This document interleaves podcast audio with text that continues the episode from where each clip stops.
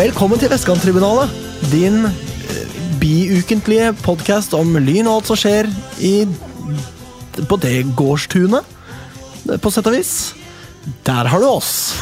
Eh, Jeg er litt snål fordi vi måtte starte sendingen på en litt uvant måte. Vi pleier å trykke på R, ikke sant? Så begynner vi å prate. Nå skulle vi klappe synkront alle fire. Er ikke så lett, altså. Men Dette kjenner vi jo fra tribunen. Ikke lett alltid. Nei, og, men ikke sant, dette her er en annen setting. ikke sant? Det blir unaturlig rart. eh, ingen capo her. Det er vel kanskje meg nærmest da, som skal være capoen. Vi fikk det ikke helt til, men du vil være capo, Magnus? Uh, nei, helst ikke. Okay. Vi, vi er i hvert fall alle fire guttene boys. Magnus er der, Nikolai er der, Morten Hallo. er der, og her er jeg, Alexander. Uh, endelig tilbake i manesjen, de fire klovnene. Ja. Ja, ja, mensan. Klovner i kamp. Der er det oss. På kamp. Oftere, kanskje. I kamp, ikke fullt så mye. Klovner på kamp. Klovner på kamp, der er det oss. Eh, Klovner i studio, ikke minst. Nok om det. Eh, Vi er tilbake, vi. Eh, Det er vanskelig å få podlogistikk til å gå opp. Jeg har jo sagt det på Twitter. Må slutte å love ting, rett og slett. Der har jeg driti meg ut med denne podden mange ganger. Men så nå er det jo bare oss fire. Da er det jo lettere, selvfølgelig. Fordi vi har prøvd å få gjester i studio osv. Jobber fremdeles med saken, men det er, ja, logistikken er utfordrende. Så jeg sier ikke noe mer om når det blir ny pod. Kanskje vi bare skal nøye oss med denne? Og så blir, kommer det en ny når det kommer en ny? Yes, da er Og hva enige. skal vi i dag? Nei, først skal vi jo snakke om hva som har skjedd siden sist, og siden du er så ivrig og heit på grøten her, Nikolai, så kan du fortelle hva som har skjedd siden sist. Oh la la. Uten intro om hva som kommer etter. Dette blir uh, Ja. Dette blir krevende for et uh, organisert hode. Uten eh, innholdsfortegnelse. Uten innholdsfortegnelse? Altså, du tenker at jeg skal si hvordan podden er strukturert, tenker du på? Åh, eller? det har vært deilig. Ok, men Da kan jeg gjøre det, da. Siden du og lytterne føler dere ukomfortable her nå. Uh, først skal vi da snakke om hva som har skjedd siden sist. Det vet dere allerede. Men så blir det noen lynheter. Så skal vi snakke om damelaget som begynner sesongen på lørdag. Det er kanskje i morgen for deg, lytter. Eller kanskje i overmorgen. Hvem vet? Nei, det blir jo fort i morgen. ja. Sannsynligvis ikke i overmorgen, nei. Kanskje nei, i det dag. Er, det er på lørdag. Eh, Men for oss dag er det i overmorgen. Ja, for oss er det i overmorgen. Eh, så vi snakker litt om damelaget og hva de skal Ja, alt som måtte falle oss inn der. Så skal vi gå gjennom avdelingen herrelaget skal spille i i årets sesong i PostNord. Det Ja, blir det blir jo den dominerende delen av denne Det, sendingen. Det blir det. det. det blir det. Og etter det så klemmer vi til med tippekonkurransen. Ja, den er tilbake.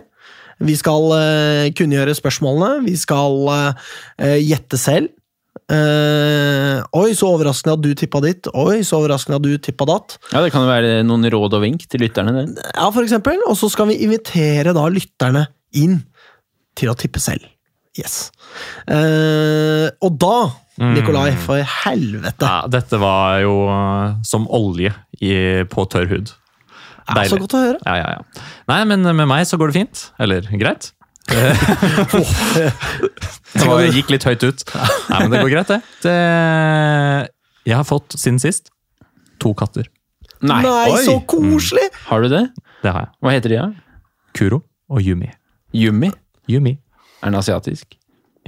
Hva slags, for å si hva slags rase det er, da. Ikke ja, da, de er ikke eh, asiatiske. De er eh, noe britisk korthår og noe annet. Ja, ikke sant. Ja. Noe annet, hva da? Noe annet? Jeg har jo hatt katt sjøl, så dette Eh, Scottish eh, straight. St straight, straight. Ja, noe sånt. Jeg kan Ok. ingen Jeg kan ikke mye om katter, men de er veldig søte. Hvorfor har du fått katt? De, Hva faen? hvorfor? Det er ofte fordi man vil. Ja, det kan hende. ja. Det er uh, en annen historie. Men, eh, Er de skikkelig små, veldig nusselige, eller er de de litt store? er, de er litt halvstore. Fem måneder gamle nå. Nå er det mulig å hilse på. Altså, jeg er jo veldig glad i katter. Ja, sjæl! Ja, Dette kan vi arrangere. Kjempefint. Yes! Dette kan vi arrangere. Så det, det er veldig hyggelig. Minus når det plutselig hopper et vesen opp i ansiktet ditt klokka fem på natten, og bare for å si ingenting, og går ned igjen. Mm. Sånn at eh, det er noe søvnforstyrrende, ellers er det veldig hyggelig. Jeg har forstått det slik at de eh, som jo ikke har slik døgnrytme selv, er sånn Hei, du som er i gjengen min, går det bra med deg? Du er jo, er jo helt knocka ut, har vært i flere timer nå. Er, det, er alt bra her? At det er liksom sånn de holder på, da? Mm. Det er omsorgsfullt, for så Veldig vidt. mye deilig omsorg å Men få. jævlig irriterende òg, da. Ja. Men de er søte, og de er gode, og ellers eh, Ja, det har ikke skjedd så eh, Er det mye. han eller hun? Det er både han og hun. De er søsken. Aha. Så det er Blir det da det det fare for kattunger da, eller styrer de unna incest og sånn? Eh, De må steriliseres, ja. Ja, de gjør det, for de har ikke kapasitet til å skjønne det selv. Tar ikke sjansen. Nei, nei, nei. nei. Og om de så skjønner det, så er det ikke sikkert de bryr seg så mye. Det er sant. Nok om kan- katter. Skulle til å si at de kan jo kjenne oss igjen i. Ja, det, var, ikke det var ikke meningen å si. kan ikke jeg kjenne meg igjen i det? Ja, unnskyld, Nikolai. Nei, det går helt fint. Jeg er eh, tilfreds med katteprat. Nå er du tilbake på fint igjen. Ja, ja, nå er jeg tilfreds med denne deilige, okay. omgjengelige praten. Så vi har vippa deg opp eh, til fint igjen. Det er jo veldig hyggelig Absolutt. å høre. Ja. Ja, ja, ja. Ellers er det lite nytt å melde, utover at uh, sånn vaskemiddel med bomullsduft nå lukter som eh, en sånn kjøttpakke når du åpner den. Så det er en sånn long covid-greie som er litt kjedelig. Dette er jo sånne ting som du hadde shut us down hvis vi hadde begynt med. Absolutt. Så Ja. nå er jeg ferdig. Greit. Eh, vi går videre til deg, Morten. Til meg, ja. Ja, ja, ja. Ja, det er greit, det. det. Det var Jeg kan jo fortelle en ting som har skjedd siden sist. Som er, Det er det spalten heter, ja. konkret ting, da. Det er én ting, og det er at jeg ble Eller vi, da. Ble jo invitert med på et prosjekt, eh, eller rettere sagt en eksamensoppgave til en student som studerte journalistikk ved Volda. Høgskolen, vel, i Volda. eh, Som skulle lage en podkast om Lyn. Og kanskje først og fremst om Lyn etter konkursen, da. Vi Eh, vet jo hvor sært dette er. vi vet det. Og han eh, vet det nå, han òg. Men eh, så jeg har vært og snakket med ham, han fyren som driver med det. Det gjorde jeg i går, og var da på et intervju hvor jeg skulle snakke om ja, personlige historier fra liksom en lynsupporters hverdag etter 2010 og så videre, da. Så det blir spennende å høre uh, hva resultatet av det blir. Han hadde jo fått tak i mange lynfolk, tidligere lynfolk, nåværende lynfolk også. Så han har gjort en grundig jobb her, da. Reist fra Volda til Oslo for å få til dette her. Mm. Som student. Uh, den kommer nok ikke ut i liksom eh, eteren, som det heter, til vanlige folk. Men han sa at jeg skulle få høre, og da kan jeg også sikkert videresende det til de som vil. Hva da, skal han ikke publisere det noe sted? Det vet jeg ikke, det er jo en eksamensoppgave bare i et fag, liksom. Ja, men dette har jo uh, interesse utover Ja, det sensor, for å si det sånn. Ja, det har jo det. Ja. Det må jo formidles til vedkommende. Herregud, det ut, Hvis det er noe lynfolk elsker, så er det å høre om eh, seg selv og høre seg selv prate osv. Om klubben sin. Ja. Ja. ja, kanskje det. Eh, i, I hvert fall, eh, det var spennende å være med på, så får vi se hvordan det blir. Kult. Takk for meg. Det var det, ja. Ja, det var det, det er ikke noe annet som har skjedd. Da tror jeg vi går videre til meg, det, siden jeg sitter ved siden av deg i sofaen. og allting da. Ja. Må jo nevne, som jeg ikke fikk nevnt forrige sending, da Glenn Hartmann kom altså så bardust på der, mens jeg var midt i hva har skjedd siden sist. Lynhistorie.com slash damer. Jeg er ferdig med prosjektet. Jeg, altså jeg er ikke ferdig med det, jeg skal fortsette med det, da. Ja, det er et kontinuerlig prosjekt. Men nå er det jo bare de kampene som kommer, og alle kampene som har vært. De er ført inn. For en jobb du har lagt ned ja, der. er Virkelig. det er en fuckings jobb, ass. Det, det var ekstremt mye jobb. Men uh, når det er ekstremt mye jobb, så er man jo tilsvarende stolt. Så her uh, klapper jeg meg selv på skuldra. Du kan også gjøre det, Morten. Du som sitter Ja, gjør, gjør det du. Takk. Morten. Oi, det var til og med litt sånn kosete også, det. Veldig Nei, sånn så- følsom eh, klapping. Ja, det var, Han ga meg litt varme der, rett og slett. Nei, Så det er veldig kult. Folk eh, må bare gå innom der, se hvem som er de eh, mest eh, Ja, kvinnespilleren med flest kamper, og stallen fra den og den sesongen. Det er, det er all moroa du har hatt med lynhistorie.com, med herrelaget, kan du nå ha med damelaget på den samme adressen, bare hvis du legger slash og damer i tillegg der, da. Så jeg er veldig stolt. Syns det var kjempegøy å jobbe med. Er litt trist at det ikke er mer, samtidig er det jævlig deilig.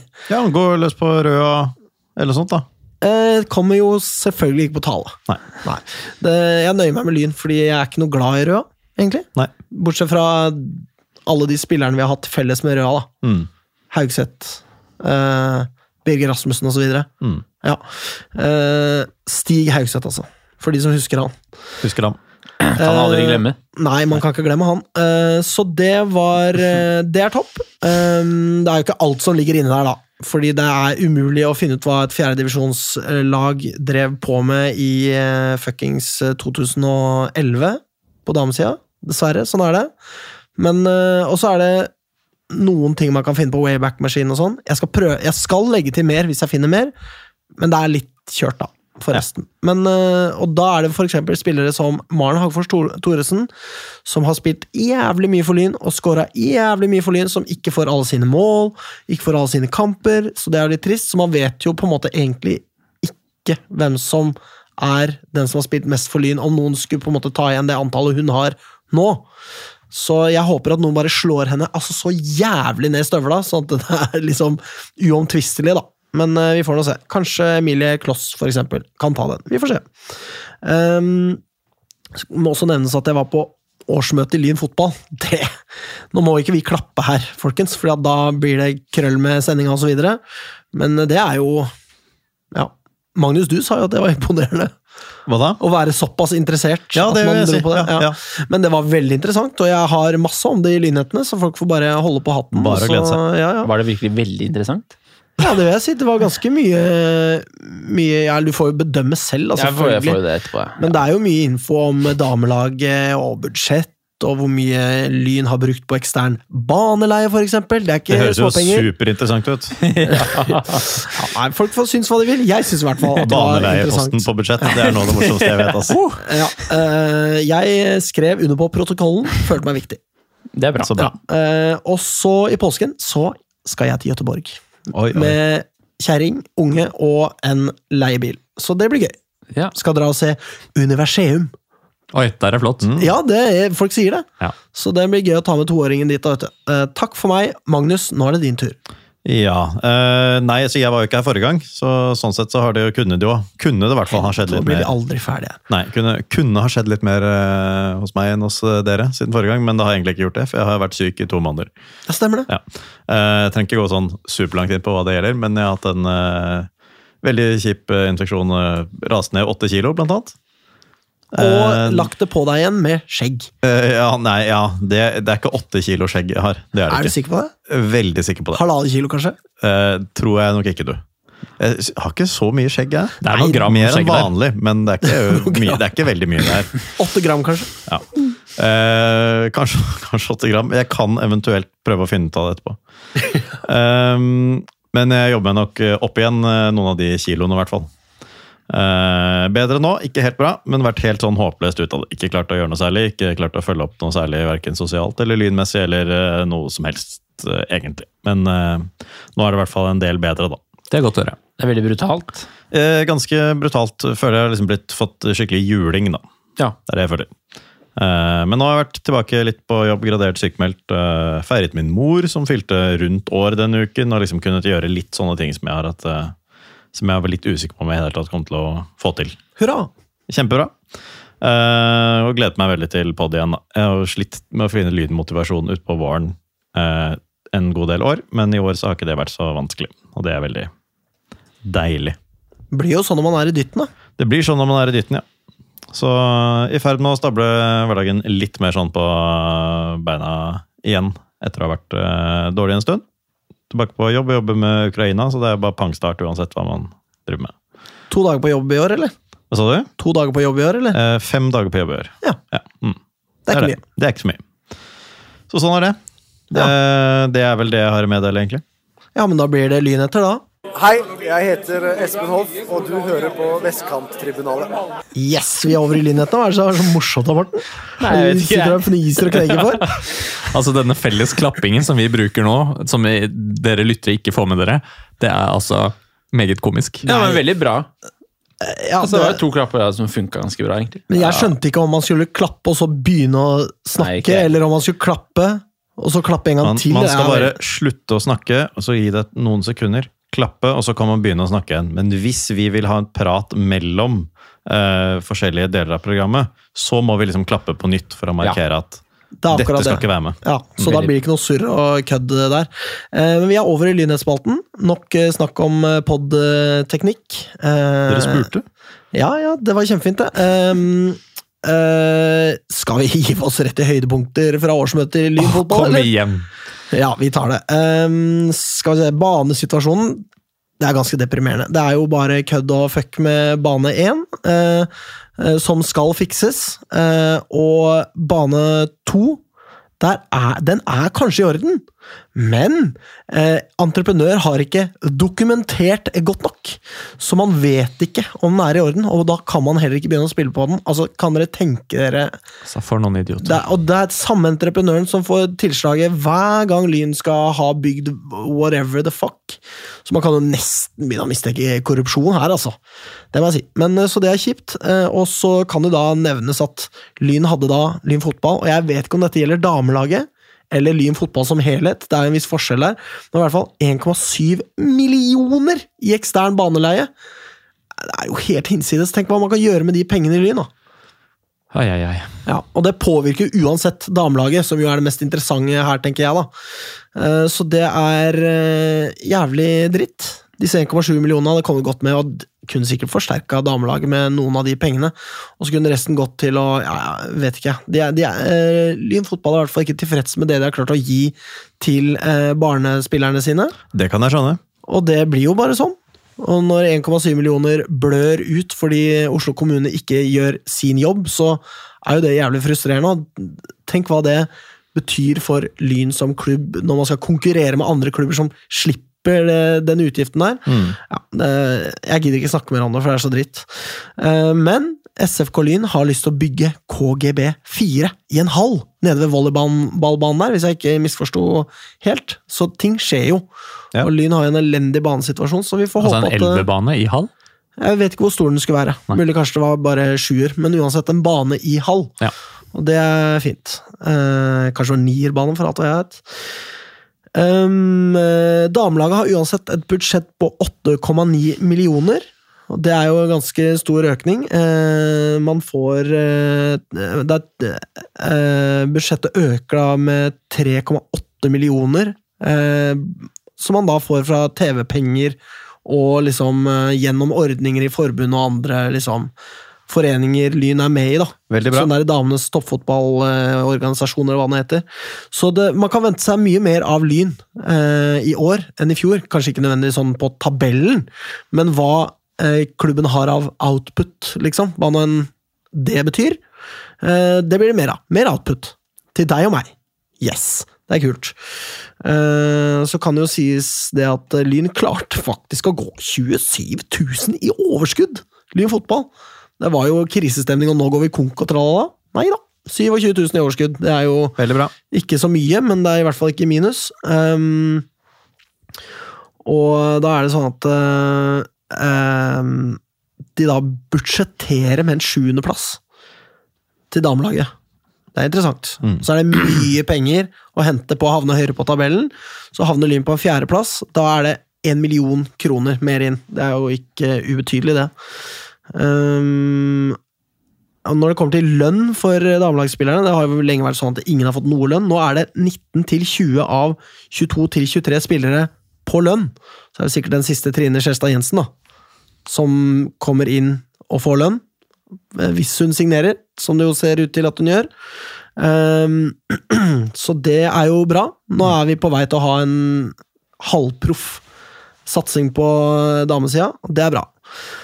Eh, Og siste punkt fra da årsmøtet er uh, dette her med ansvaret Lyn 1896 FK, FC Arena, har tatt over fra Lyn fotball. Obos, beklager.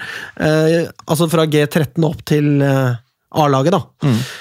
Det er fremdeles sånn disse spillerne er formelt sett spillere i Lyn fotball. Så det er ikke sånn at Lyn eh, sitt, eh, sin A-lagssatsing på herresida har tatt over disse lagene. Man har bare det sportslige ansvaret. Og så skal jo da denne løsningen evalueres underveis, og tralala, så det blir, eh, blir spennende å se. Så det handler jo egentlig om Er det oppnevnt et utvalg? sikkert altså fuckings fire utvalg for å vurdere dette fra forskjellige vinkler. Eh, så eh, er det jo da et spørsmål om man kanskje på et punkt skal vurdere å slå sammen, da. Lyn fotball og Lyn 1896 FK. Ja, ble det diskutert på årsmøtet? Ikke i det hele tatt, men Nei. jeg vet at det har vært uh, snakket om i uh, lukkede fora. Ja. Foraer. Nei. Eh, jo, jeg vet det. Ja, ok. Ja. Eh, så også kan vi var diskutere vi så det. språklige, men ja. Ja, ok. Gå videre. Ja. Eh, Så kan vi jo diskutere om det er lurt eller dumt Det kan vi eh, diskutere. en annen gang. En annen gang. Ja. Um, Det kommer nok muligheter til det. Og for de som liker årsmøter Ja, det kommer flere av Ja. Hvilken dato er det Lyn 1896 Arena FC Tirsdag. 1896? 28. mars. Jeg skal. På det òg. Kjempebra. Ja. Så det blir jo også veldig spennende. da. 18.00. Ja. 18.00. Der blir, det blir kanskje litt flere folk som kommer på, da. Det var ikke mange på dette Lyn fotball-årsmøtet, det må sies. Så det er litt dumt når man snakker om klubbdemokrati og tralala. Det er ikke så mange som snakker om det i denne klubben, bortsett fra meg, da. Det er sant. Det er, det er noen som gjør det. Jeg ønsker meg det veldig. Faen, Ja. hvorfor kan vi ikke bare bestemme ting i klubben vår, folkens? Ja, er dere medlemmer i det hele tatt, gutta? det eksisterer jo på en måte. Ja, Det er jo min feil at jeg ikke er meldt inn. 15 stykker på årsmøtet, så er jo det ikke helt heldig for klubbdemokratiet, da. Nei, ikke så heldig. Innkomne forslag? Ingen. Null. Det er de beste årsmøtene. Ja, jo, det er digg for de som er til stede, men samtidig skal vi ikke ha et levende klubbdemokrati, da, folkens? Nei. Jo da. Jo da. Jeg skal samle en sånn skyggegruppe, og så skal jeg rekruttere, og så skal vi fikse alt. Supert. Og med Gleder det, meg til det. Uh, yes, Ja. yes, yes. Så årsmøtet kommer. årsmøtet kommer. Dra Årsmøtet på går. det. ja, og livet består. Um, men tilbake til damelaget igjen, da. Altså. Ja, Ja. De skal jo møte da. Vålerenga. Ja. Ja, ja. Nå må ikke du eh, hoppe for langt frem her. De skal møte Vålerenga oh, sånn, på ja, ja, ja, 3. jeg eh, 3. juni Ja. på Ullevål stadion. Er vi nå over i damelagsspalten? Nei, ikke helt ennå. ok. Burde kanskje hatt det men det er jo en slags lynhet også, ikke sant? Ja, det har vært i media, dette her. ja, ja, ja. Og det var, fikk ganske mye oppmerksomhet i media, vil jeg si. altså. Smurf. Delt av Lise Klavenes og eh, hele pakka. Hun syntes at det var fett. Hva er det?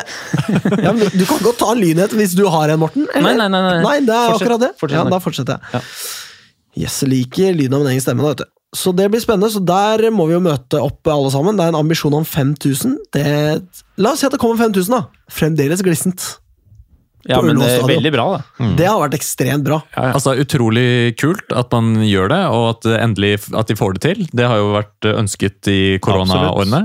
Og så er det bare et lite ønske fra min side. Sett mål som vi kan nå. Ja. Det er vanskelig å si seg helt uenig der, men uh, tenk om de får det til, da. Ja, jeg skal ikke si det engang, fordi det Men da er det alltid gøy. Hvis du har satt et litt lavere mål og kommer høyt over, så er det morsommere enn hvis du ligger eh, litt under målet, som er skyhøyt. det er sant. Altså, ta det fra psykologen. Veien til lykke er minimale forventninger. Absolutt. Ja. Ja. Um, og så tilbake til herrelaget igjen. Jeg har delt opp dette litt eh, snålt, eh, ser jeg nå. Men det er fremdeles mulig å melde seg på bortetur til Larvik. Det er Ja. det. Det, det blir fett. Færre Eh, færre plasser igjen. Ja, ti Ja. plasser igjen per i går kveld. Så det er ikke noe vits å være helt dust og være hjemme, med mindre man er forhindret av vesentligheter. Er alle meldt på? Jeg er meldt på. Jeg er meldt på. Ja. Herlig. Fullt Er du, panel. er du meldt på det også? Jeg er også meldt på. så. Helsiken! Det blir storslagent, det. Ja, det blir kjempefint. Ja, det blir dritgøy. Så da, det er vel den andre bussen som er i ferd med å fylles. Det er Ja. det. Og da bikker vi kanskje antall som dro til Oppsal i fjor, eller? I, I buss, ja. Ikke tror jeg i total Ja, det er Å, jo da. Jeg Det var jo 1200 tok supportere på Oppsal i fjor. Jeg For biler men og kjøre tog og alt som er, vet du. Ja, ja. Ja. Men ja, det det er jo buss, ja. siste påskedag, det her. It's his. Og da er folk klare, vet du. Ja. For å se Lyn gruse noe drittfolk fra Dette er, Larvik. dette er ikke en nyhet. Yes. Um, eh, min neste linje er skigull eller noe. Fortell, Magnus. Ja, for det er din Ja, post. ja, min post. Ja, det var ikke jeg forberedt på at vi skulle si nå, men jeg, Jeg og nå er det jo nå er det en stund siden. Glenn Hartmann. Ja, ikke sant? Nei, men jeg, jeg ønsket, bare sendte et ønske fra sykesengen forrige gang om at dere skulle gratulere Lyngutta med alle de medaljene man tok i ski-VM.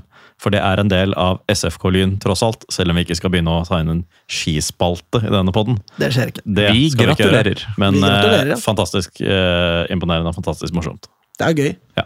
Både Krüger og Holund, som fikk eh, utmerkelser på eh, tinget. Også. Ja, stemmer det. Ja. I likhet med Ja, men eh, litt av litt annen rang. noe mindre fortjent også, må man kunne si. Absolutt. Yes. Um, eh, og så Lyn har harva over seg. Det- Fortell, Nikolai. Det, det er min lynhet, så bare For du så jo den kampen i går. Jeg Ja, så jeg så den med et halvt øye med, mens jeg fòret og la min sønn, henholdsvis. Ja, eh, Det jeg kan si om den kampen, var at det så ganske solid ut. Det var eh, første omgang særlig. Eh, Vi lå en del lavt i press. Skeid kom altså ikke igjennom. Den blokka som vi satte opp der, der vi, det så altså så solid ut. Lå komprimert og tett sammen. Det var vanskelig for Skeid å finne på noe ugagn der, selv om det var mm, tilløp til noen sjanser. Eh, Tilløp til ugagn. tilløp til ugagn, men eh, det var rett og slett veldig solid. og Veksla også over i høyt press. Sjokka Skeid. De begynte å, de skulle spille seg ut fra keeper. Det skjønte de etter hvert at det går ikke. De får det ikke til, klarer ikke å løse det med Lyns høye press. Og det er jo veldig betryggende å se et eh, Lynlag som eh, sjokkerer et, eh, et lag med Obos-kvalitet på den måten. Eh, vi ledet altså 3-0 eh, i det 60. minuttet eller et eller annet sånt. Og så fikk vi en, eh, ja, en eh, litt sånn klønete straff imot, og et uh, annet mål imot, som var av den litt finere sorten. Uh, 3-2. Og så er vi uh, overlegne på slutten. Massevis av sjanser. Skapte utrolig mye offensivt. Eh, kjempelovende, syns jeg. Eh, og Hellum kom inn, fikk noen minutter på slutten der. Eh, Så gode sjanser. Jeg likte swaggeren hans da han kom på banen. Ja. Så ut som han på en måte hadde en eh, selvtillit eh, over seg da han kom Ja, på der. Og hadde vel i hvert fall to ganske gode To kvalifiserte store sjanser. sjanser. der. Kanskje til og med tre, vil noen si. Men uh, veldig fint at han kom på. Uh, vi hadde en prøvespiller på venstre bekk. Utmerka seg, det vil jeg bare si. Eh, der diskuteres det vel nå i dag om han skal være med videre. Så veldig, veldig bra ut. Og uh, Lindqvist kom på, fikk en eh, god, god omgang. Også en et kjempeflott angrep sammen med Bjørn Tvedt Olsen der, som Hylen, som vi har funnet Hylen, ja, ja, ja, ja. at det uttales. Eh, kjempeflott scoring. 4-2. Nydelig. Veldig, eh, veldig god treningskamp, rett og slett. Jeg må si at uh, Hylen imponerte meg også, altså. Han uh, Mm. Altså jeg mener, ja, virker som han har tatt veldig store steg egentlig i løpet av førsesongen. Mm. må jeg si. Og det er jo noe med det at på det nivået her, så går det jo an å utvikle seg veldig veldig mye og bli ordentlig god på kort tid. Eh, og det er det strålende å se at eh, ja, altså jeg mener, Det kan jo gå mange veier herfra, Mm. men trenden er ganske positiv. Og jeg er enig med deg, Nikolai, dette her at eh, når vi lå lavt og kompakt, så var det så skeid. Altså hjelpeløse ut. Mm. Og også dette med å spille seg ut bakfra. Du, var- jeg bare gjentar det du sier, egentlig. At eh, de fikk det ikke til, og de insisterte på å spille ut uh, bakfra flere ganger, og Lyn var på det med en gang, og de slet så med å liksom komme seg gjennom eh, Lyn derfra også. Og det tyder, tyder jo på god organisering, først og fremst. Det er jo Jan Halvor Halvorsen som bare gjør greia si her. Og altså, samlet sett, som jeg sier, det at eh, Nå har vi jo sett Lyn som et tredjedivisjonslag i syv år, ikke sant. Riktignok kanskje ikke i det syvende, da. Eh, fordi at eh, vi var på et såpass høyt nivå sammenligna med de andre. Men all den driten vi har sett skje i tredjedivisjon Vi som har sittet på tribunen på Bislett her, altså regelrett ledd av det jeg har sett på banen, fordi det har vært så tidvis latterlig lavt nivå på det. At det er komisk, liksom. Den tiden er over, da. Og det er som jeg skrev, jeg skrev det på Twitter i går. Tredjedivisjonslaget Lyn er dødt og begravet. I hvert fall sånn de fremstår nå, og det er jo så deilig! At det liksom går an å se at det er en plan, man jobber mot et mål, og man klarer å oppnå det. det er, her er det gode spillere, det er god spillerrekruttering, og det er en god trener, og det er på en måte Ja, er Vi som har jo også en kontinuitet her nå. ja, og det er som jeg snakka om før sending, at det liksom eh, Lyn har ikke bøyd av ennå. Vi er fremdeles på en stigende kurve. Så får vi se hvor Lyn bøyer av, men faen så deilig det er å bare konstatere at pila peker oppover, og at vi er på vei et sted. Så kan man jo At det er bare fantasien som setter grenser for hvor det er. Tross alt. Og kanskje en viss sånn grad av nøkternhet eh, eh, fundert i realisme også, da. Men, eh, men uansett, en strålende kamp, og dette er jo et bedre resultat enn 4-0 mot Kjelsås tidlig i førsesongen. Nå var det riktignok noen bytter på Skeid eh, ved en halvtime der, men eh, de som startet kampen, var, var det ikke eh, Manglet ikke to spillere fra den uh, cupkampen eh, mot Jo, Molde? Melkjord og Naustdal. Ja, Melkjord er jo en vesentlig skikkelse på det laget, men sånn er det jo. Man møter jo lag som mangler sin beste spiller, så dette er jo ikke langt unna i hvert fall den halvtimen. Skeid på sitt uh, nesten aller beste. Uh, og det er jo komisk at de kaller det for en avansert treningsøkt. Det er jo uh, til, I Dagsavisen så sa Gard Holme det, og det er jo ja, for eksempel, altså Hvis noen kommer og drar av deg buksa og bokseren og trekker den over huet ditt, så er det sikkert mer behagelig å kalle det en slags sånn avansert omkledning, men Det er jo bare at du har ræva bar, liksom. Akkurat som at Skeid fikk. Deng av Lyn, og det er digg å se. Og jeg er optimistisk igjen etter disse to tapene vi nå har gått på. Takk for meg. Men vi må videre i programmet, for nå er det bare har 30 veldig minutter igjen. dårlig når vi tid, skal for å si det sånn. eh, Ekstremt avdeling dårlig tid. Ja, ekstremt dårlig tid, ja. Ja. Uh, men ingen andre lynheter, da? Nei. Uh, jo, Lyns pressebyrå. Ja. Ja. Må vi vi bra. nevne. Lyn har stablet på beina et uh, pressebyrå bestående av uh, to karer ved navn Sander Nilsen og Sindre Espe, som uh, er sportsinteresserte og kan journalistikk. Som holder på og har levert noe av det beste vi har sett på Lyns nettside på ganske lenge. vil jeg si, Siden Vegard. Egeland. Siden Vegard Egeland, ja. Kjempebra. Litt eh, trist at eh, han ene unnskyldte seg for dialekt og nynorskbruk. Det, skal han, det, det man trenger du ikke gjøre. Nei, nei, nei. Eh, jeg skjønner, skjønner hvorfor man gjør det. Han tar forbehold mot de største nepetrynene vi har, men det skal du slippe. Det skal være lov å ikke ha vokst opp på damplass og Absolutt. midt i havnabakken, liksom. Altså, Ja. Altså En kjemperessurs for klubben. Vi ønsker deg velkommen. Moving on. Yes. Uh, ja, har du Ja. mer, Magnus? Nei, det er ikke så mye mer om, man må si om det. Nei, men eh, veldig positivt. Stå på. Absolutt. Faen for noen karer, ass. Stå på, ja. Vi vet at de hører på, for de Stavn fordyper seg nå, vet du. Ikke stav og på, takk. Men eh, da tror jeg vi går videre til en eh, yderst kort damelagsspalte. Mitt navn er Benjamin Nesje Nyheim, og du lytter til Vestkanttribunalet. Og da er vi inne i damelagsspalten. Lyn skal spille fotballkamp på lørdag! Jeg skal ta turen. Jeg håper at jeg får noen av dere med meg, guttene boys. Jeg har virkelig ikke mulighet, i hvert fall. Jeg kan ikke. Nei, men Jeg hadde tenkt, men jeg kan det faktisk ikke. Nikolai, Jeg nå skal på deg. Det hviler på meg. Vi får se. Nei, jeg skal i hvert fall ta turen, og jeg tror det blir veldig spennende. Det er jo selvfølgelig mot en eh, veldig eh, Det er, det er sånn Lissom-klubb eh, fra Bergen. Noe, de har, det er noe greier de har funnet på der. Eh, kalt, noe, kalt en annen klubb for Brann. Det er nå opp til dem. Eh, det er jo sånn Galacticos-stil, vet du, med cash i huet og ræva. Kanskje det beste beste supporterlaget på damesida, dessverre. Men det er nå engang sånn. Rosenborg har i hvert fall ikke giddet å følge Rosenborg-supporterne har ikke giddet å følge med over. Ikke Vålerenga-supporterne i noe særlig grad heller. Så, og det er jo en av de tre topplagene det er snakk om her, så det blir tøft for Lyn. Jeg har tippa 3-0 til Lyn. Det var jo flåsete, selvfølgelig. Men eh, det må være lov å ønske seg å håpe og være litt breial, og så får man heller bli slått ned til marken om eh, det skal bli på det viset. Ja, skal vi tippe òg, da?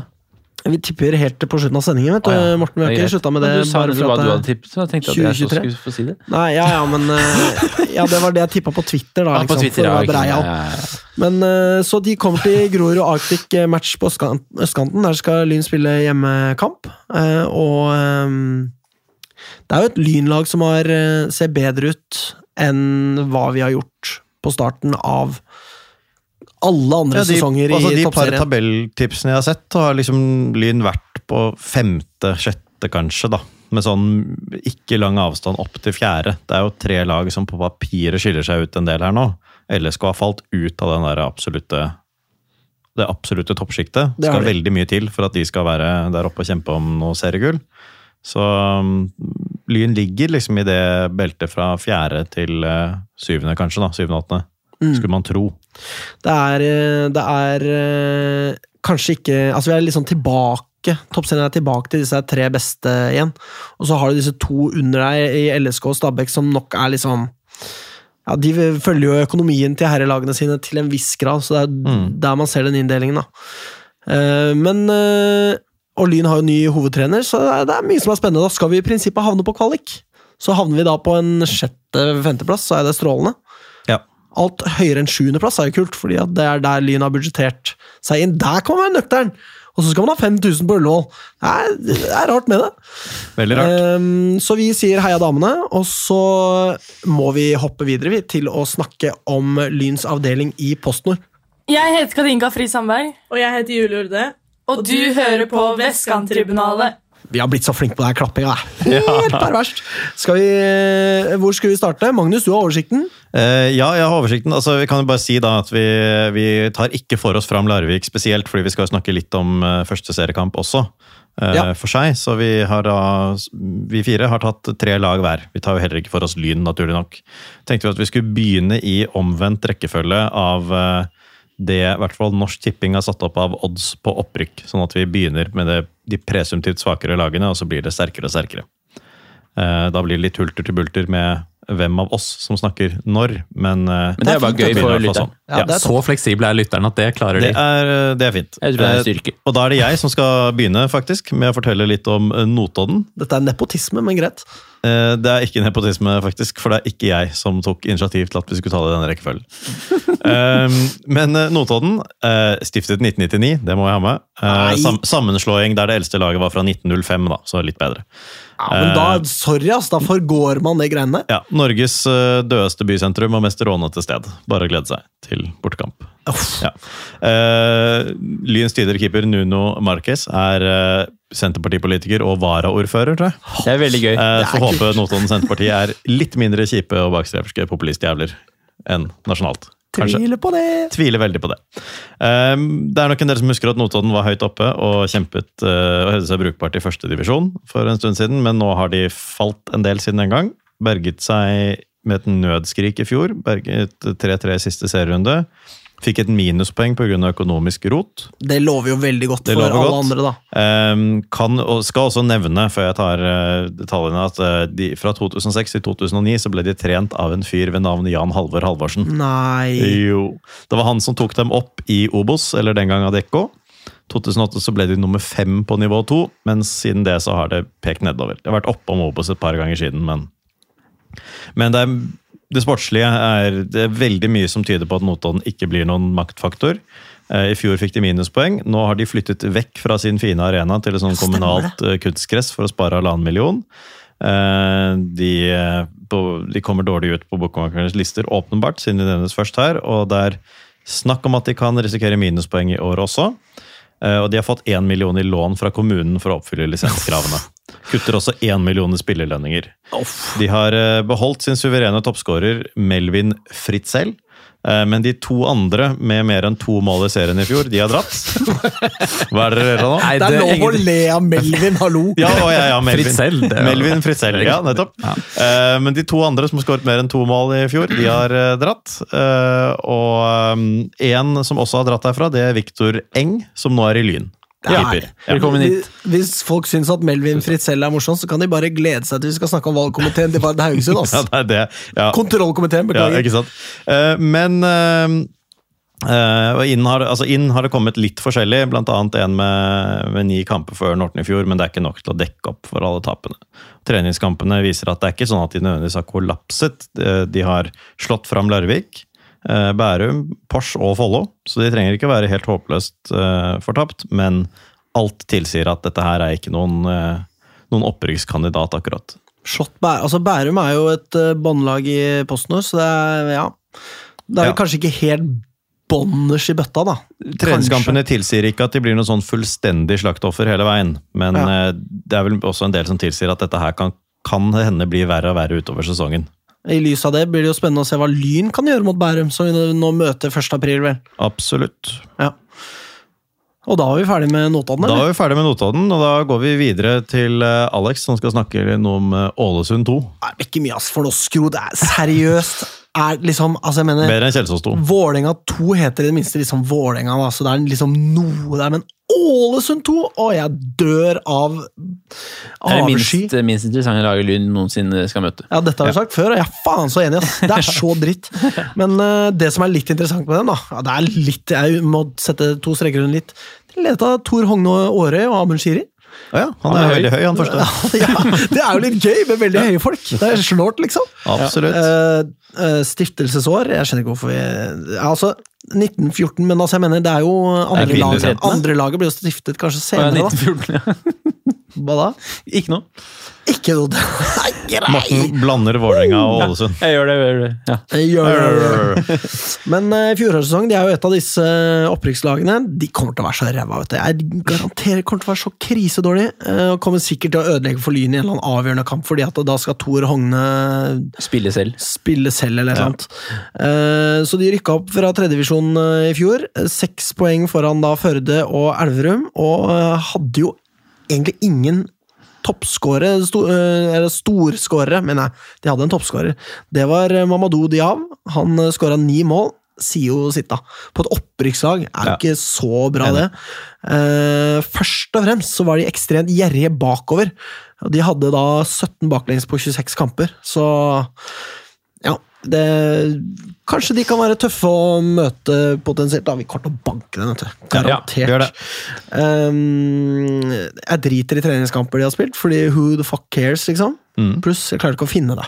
Nei, den er god. Uh, Da går vi videre, da. Eh, Nei, jeg, altså, vi- jeg har ikke gått gjennom alle punktene her, Morten. No, jeg, jeg sier fra så vi skal videre. Um, vi har aldri møtt dem før. Odds på opprykk er da 75. Mm. Ja, så det er jo helt latterlig lavt. Og så må det sies at toppskåreren Mamadou Diaw har da gått på lån til Bryne. Ja. Det er egentlig det mest eh, vesentlige av overganger. Eh, og så kan man da se opp på, i den grad man skal se opp for noen i det hele tatt, eh, midtstopperen Ulrik Valderhaug Syversen, som har da en god del kamper i det vi får anta er et solid midtforsvar. da. Nå sier jeg ikke ett ord til om OFK2. Nei. Det høres eh, veldig lurt ut, men eh, vi skal ikke bevege oss så veldig langt geografisk, for vi skal til treff. Å, treff. Stiftet 1924. Ligger vest i Molde og spiller på Reknesbanen. Jeg kan informere om at Treff de driver i dag med både fotball, håndball, e-sport, men også boccia er de langt framme. Så at det, Er, er, de, er de langt fremme, eller er de de er langt fremme. Ja, de er det. Okay. Sånn at eh, det er bare å følge spent med på boccia-satsingen i treff. Hvilken klubb var det som drev med bueskyting? Det snakka vi om for det var fire år siden. veldig mange klubber som drev med bueskyting plutselig. Nikolai, du skal Nå få lov til å det. fortsette. Eh, treff de trenes av eh, en litt kjendis sønn, Øyvind Høgmo. Han er hentet fra Stabæk, han, der, han, der han var ungdomstrener. Og han godeste Øyvind Høgmo Ved et lite Google-søk så skjønte jeg at han har vært involvert i noe litt sånn uh, uh, Ja. Han har eh, en liten skandale der, fordi han ble prioritert inn på Uefa A-kurs. Eh, akkurat idet faren hans ble ansatt som sjef for trenerutdanningen i NFF Å ja. og på bekostning av enkelte andre bedre kvalifiserte søkere. Så at det er litt sånn uh, Han skal vi bue på. Han skal bues på. Jeg klarer, jeg klarer ikke Jeg kommer ikke til å klare det. Eh, Treff de hadde jo en deilig odds på 500 på Coolbet. Så Ja. at de er ikke forventet å 500, det var veldig høyt. Ja, altså, hvis, kan du si det til lytterne, hvis dere har veldig tro på treff, sett pengene hos Coolbet, ikke Norsk Tipping. Ja. Altså, ja. De er eh, sannsynligvis veldig svekket eh, fra i fjor. I fjor endte de på en sjetteplass i PostNord. Eh, 36 poeng endte de på da. Eh, Ti seire og ti tap. Eh, men det som har skjedd siden i fjor, er at de mistet toppskåreren sin, Jakob Jacobsen. Bolsø. Han skåret vi, vi, vi med Halvor Halvorsen kan ikke si noe. vi skal ikke si noe. Han eh, putta 16 mål på 26 kamper, så at, eh, det er jo en klar svekkelse for dem. Eh, og de har mistet eh, flere andre eh, betydelige faktorer. Eh, blant annet eh, Simen Hegdal Bech til Grorud, som spilte alle matchene for treff i fjor. De har mistet en Halvard Ur Urnes, som også spilte nesten alle kampene. Og Jonas Holte til Ullern. Og så, da, selveste Vegard Forren har forlatt treff. Kanskje like greit. Det kan man si. Han spilte også 23 kamper i fjor og var jo en viktig bidragsyter der. Han er ut, og inn har de altså hentet en spiller fra LSK2 og en spiller fra Molde 2, pluss noen juniorer fra Molde. Sånn Ja. at eh, det er, det er ikke all verden de har fått inn der, dessverre, og det ser ikke bra ut. Og vi har dem eh, Vi har, eh, møter dem borte i 23. runde, så at der kan vi få noen potensielt en ikke altfor vanskelig kamp helt til slutten av sesongen. Vi møter, jeg kan bare nevne den forbindelse, vi møter også Notodden borte i den aller siste bortekampen i år. Så Herlig. de to siste bortekampene er på papiret av de mer overkommelige. Ja. Ingen bryr seg om når vi møter HFK2. Nei. Det, står- det står ikke her heller, så Nei. Nei, så det var det jeg ville si om kjære treff. Heia Ja. Boccia-satsingen. Ja. Da skal vi østover igjen. Da skal vi til Vålerenga 2 og Morten. ja. Det er altså Må ikke låse liksom Lenovo står der på displayet til Morten Litt morsomt, om Morten her. Helt uforberedt på at han skulle si noe. Vålerenga 2 er stiftet i 18... i 1913. Dette blir veldig kort, for her har jeg bare skrevet sånn at ja, det er jo andre lag til Vålerenga. De har en odds på 55 hos Norsk Tipping. eh, og det er jo en grusom kjedelig motstander som ingen i Lyn ønsker seg. Eh, Lyn har også gått på noen grusomme tap mot uh, Vålerenga 2 opp gjennom etter konkursen her, men 1-3-0-seier har det jo blitt når Vålerenga dreit seg ut noe kraftig og, og ja, eh, brøt diverse regler, da. Eh, som vi alle husker. I 2019 var det. Føltes som det var i fjor. Skrev jeg her. Jeg vet ikke hvorfor jeg skrev det. Men Nei, Det føltes vel som det var i fjor, da. ja, det gjorde det. Ehm, resultatene mot Vålerenga 2 tidligere er ikke så interessant å snakke om. Vålerenga 2 i seg selv er ganske uinteressant.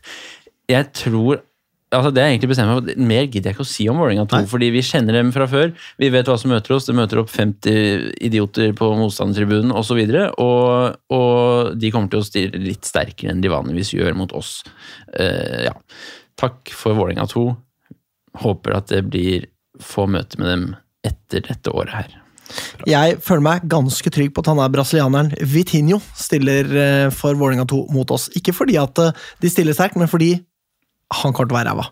Ja, Det, ja, er- det er klassisk Vålerenga. det er det. At han her, han er bra! Og så er han eh, knapt nok god, god nok for uh, Vålerenga 2. Det tror jeg. Skulle Ja, nesten tro Terje Liverød hadde vært involvert.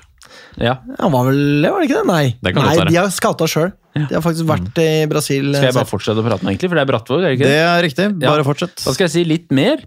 Det er litt mer interessant. Brattvåg eh, ligger eh, i et eh, naturskjønt sted i Møre og Romsdal. Eh, Nå maler du bilder her, Morten. ja, I Haram kommune. Det ligger nordøst for Ålesund og vest for eh, Åndalsnes, har jeg skrevet her. Og de er stiftet i 1940. Midt i ramadan, da. Ingen tar den? Haram, Haram kommune. kommune. Ja, men de hadde, eh. Haram kommune hadde Norges første muslimske lensmann. Det er ikke tull. Det er, ikke tull. Wow! Det er helt sant. Det var jo norsk konvertitt. Ja. Ja. Uh, Haram er for øvrig ikke en kommune. Det var en kommune, og så ble den slått sammen med Ålesund, og nå blir den en kommune igjen. Den Men der kommunereformen hjemsøker oss for evig tid. den Den gjør det. gjør det. Ja. Ja. Eh, De har en ganske harmonisk blåhvit logo med en løpende mann i midten. Og uh, René Skovdal han hadde jeg hørt om fra før, faktisk. av en eller annen grunn. Han er en dansk hovedtrener da, for, uh, for Brattvåg og har vært assistent under Solskjær i både Molde og Cardiff, Ja. faktisk. Uh, De Da, oh, wow! Da Ja. snakker man om fall from grace. Ja, det får man si, men ja, ja, er det så fall, egentlig? Han er hovedtrener nå, da. Ja, for en andredivisjonsklubb. Det er han. Det er korrekt. obskur en som sådan. Ja, det kan du si. Eh, vi har aldri møtt Brattvåg før, ifølge lynhistorie.com. Um, de havnet altså på niendeplass i fjor, da, og det er vel derfor de har blitt tippet uh, omtrent der igjen, Uh, med 33 poeng på 26 kamper. Um, når det gjelder treningskamper, så har det gått litt opp og ned. De har spilt mot sterk motstand da, og tapt 8-1 mot Molde og 3-1 mot Kristiansund. Eh, Så tapte de også 2-0 mot Ålesund 2. Det er på en måte svakere. Eh, Så jeg tror ikke vi kan vente oss et all verdens lag. Samtidig så har jeg skrevet til slutt her at de ser ut til å være en slags overgangsvinner, da. Eh, Og da har de dratt til Nederland, hentet to eh, nederlandske spillere. Eh, jeg vet ikke om de er fra Nederland, da, men de har spilt i nederlandsk fotball. Paul Fosu Mensa og Brenn Lefland.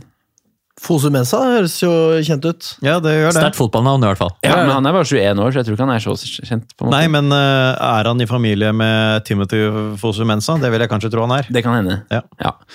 Um, og førstnevnte har faktisk spilt for eh, en nivå 2-klubb i Nederland. Uh, og, Det er broren hans. Det er broren faktisk. hans, ja. ja. Og sistnevnte har også gjort det. Så det er to ganske habile fotballspillere, må vi kunne Ja, ja. tro. Og de har også hentet Amund Møllerhagen fra Raufoss, da, som spilte 20 Obos-matcher i fjor. Eh, Så det er også en Sterkt, god, god signering. Ehm, eh, og de har generelt hentet flere enn de har mistet. Eh, Så en slags overgangsvinner, men neppe et topplag likevel, har jeg skrevet til slutt, da. Brattvåg det blir spennende å se hva de kan få til. Ja. Takk til dem. Bra. Da skal vi videre til eh, et lag som i, hos Norsk Tipping eh, har 35 i odds på opprykk, og det er Ørn Horten. Hvilken plass tilsvarer det? Eh, på bettinglisten, liksom. Ja. Det tilsvarer en eh, åttendeplass. Åttendeplass, ja, ikke sant? Fordi, ja, kjære lyttere, da jeg skal snakke om Ørn Horten.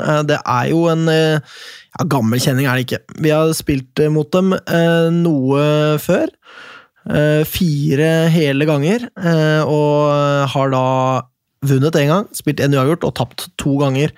Eh, Det er kjempefin bortetur eh, da vi tok turen dit, eh, må jeg si. Og så må det jo samtidig eh, sies at de er nok noe brutale mot eh, bortesupportere der i Lystlunden, og syns ikke det er noe greit med øldrikking, og i hvert fall ikke noe stickers. Og fyrer du bluss, så kommer de og arresterer deg tvert, eh, tror jeg. Så her er det bare å eh, være varsom. De er litt sånn eh, supporterfiendtlige, da, eh, vil jeg si. Som man jo har en tendens til å oppleve nedover i divisjonene, fordi folk skjønner ikke, og så Jeg forstår ikke dette her. Jeg blir rasende. Jeg, Jeg forstår ikke.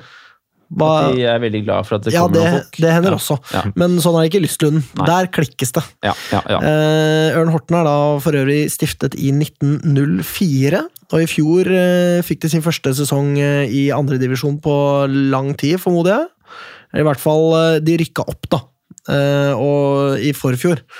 Eh, og da endte de på en åttendeplass, som jo er ganske respektabelt for et nyopprykket eh, lag, vil jeg si. Det fins jo de som går rett ned igjen. Jeg vet ikke om eh, vi kjenner til noen av de, men eh, hvis noen husker et lag som har gått opp til andredivisjon og så rett ned i tredje igjen, f.eks. fra Oslo, så kan man jo knegge litt i skjegget over det, da. Fordi Ørn Horten er bedre enn som så. Ja, Morten knegger. Det er herlig. Eh, de har gjort det ganske vast i treningskampene sine. De har eh, tapt mot Sandefjord, der starta de, men så slo de Strømmen. Kanskje ikke så imponerende, siden Strømmen ikke er hva de en gang var, men vi slo dem, så da må det jo være jævlig bra. Eh, de slo Odd 2-1. Den er noe Det er sterkt. Det er overraskende. Ganske sterkt. Eh, og så slo da Godset 2-4-0, som jo er det, ikke veldig sterkt, kanskje, egentlig. Nå hender det jo også at dette her med Møter du et annet lag altså Det kan jo godt hende at det er et Odd 2 de møter, selv om det heter Odd. Sånn som klart. Kjelsås mot Vålerenga kommer jeg tilbake til senere. Det er men, klart. Eh, men det er sterkt. De har jo også slått eh, Lyn i første sesongen. eh, på et punkt hvor det så ut som Lyn var det mest ustoppelige i hele universet. Eh, Da vant de en 1-0-seier i en kamp som virkelig kunne ha gått begge veier, og da var jo Jan Halvor Halvorsen veldig fornøyd med hvordan vi hadde prestert. Det var kanskje en kamp som var først og fremst preget av eh, Ja, vi hadde en straffebom, og to eh, ganske ja, to skader da, som var ganske ekle. Det var skulderen til, til Ole Breistøl, eh, som det jo gikk fint med, og så var det et overtråkk på en allerede litt sånn skjør ankel der for eh, Daniel Schneider, men begge to var jo tilbake igjen nå mot eh, Skeid, så det gikk bra. Så litt nerver var det da, spesielt med tanke på stoppeplass, hvor eh, vi da mista vår tredje stopper. Og så har vi ikke en fjerde, så det var jo ja, Da var jeg litt engstelig, da. Det var liksom dagen etter at vi hadde snakka med Glenn Hartmann omtrent, så sa de at ja, man trenger jo bare to. Og så ble jeg sånn Skal man, bare, skal man bare ha to her, da? Ja. Nei, eh, hvis du hører på Glenn, da vet du hva vi tenkte om det. Eh, men eh, så eh, Ja eh, Odds er da 35. Eh, når det kommer til overganger, det har jo da i all hovedsak gått spillere ut fra Ørn Horten eh, fremfor eh, inn. Yippie. men de har hentet en Nå er det bare å gjøre seg klar til å eh, knisle og knasje litt i skjegget her, for de har hentet da eh, spilleren Sebastian Popp. Det er altså ja, Og han har de hentet fra Notodden. han har de hentet fra Notodden, eh, og han fikk da 17 kamper i PostNord i fjor, på midtstopperplass. Ellers så har de, de har også hentet Amel Muratovic fra Reddy! Det må jo være tidenes dårligste Nå ler jeg ikke av navnet, men at jeg har hentet en fyr fra Reddy. Reddy som da for øvrig rykka ned til fjerdedivisjon. I was born. I was born, ja. Uffa meg, få det bort. Eh, så det er nok uh, han, uh, han derre godeste Sebastian Popp som er Skal knisle igjen, Morten? Er klart å holde seg. Som er overgangs... hva skal jeg si? Vinneren, eller taperen. I hvert fall den største overgangen. da. Og spillere å være oppmerksom på er da takket være Magnus, som researcha dette for meg i stad. Adrian Rogulj. Han skåra 13 mål forrige sesong og fikk da syv gule kort. Så, så skal jeg bare lese Var helt i toppen her. i avdelingen både i eh, gule kort og mål. Ja, så, og her står det da Så Randers, her er det bare å gølve hele fyren med en gang. Ja. Det, fordi han får jo rødt, vet du. Ja? Hvis eh, Randers kommer under huden på det. Jeg bare lar, lar eh, Rando ta det, og så Absolutt. slipper vi å se noe mer til han. Eh, så koselig da med Ørn Horten, for så vidt. Brun gutt er på topp, osv.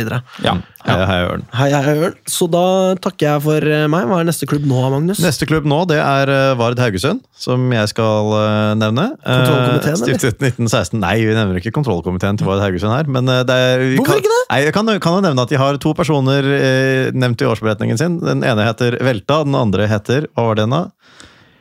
Uh, sånt? Nei, det var ikke det. Hva var det det var igjen? Ramla? Nei. Ja, Ramla. Ramla og Velta. Det er, Det er jo- det er veldig fint. Jeg skulle ønske det var samme person som het ja, det er dessverre Ramla ikke det, Velta. men det er Det altså. Ramla og Velta fra Haugesund. Ehm, stiftet i 1916, eh, ett av tre historiske lag i Haugesund, men da de to andre slo seg sammen til FKH, så sto Vard utenfor.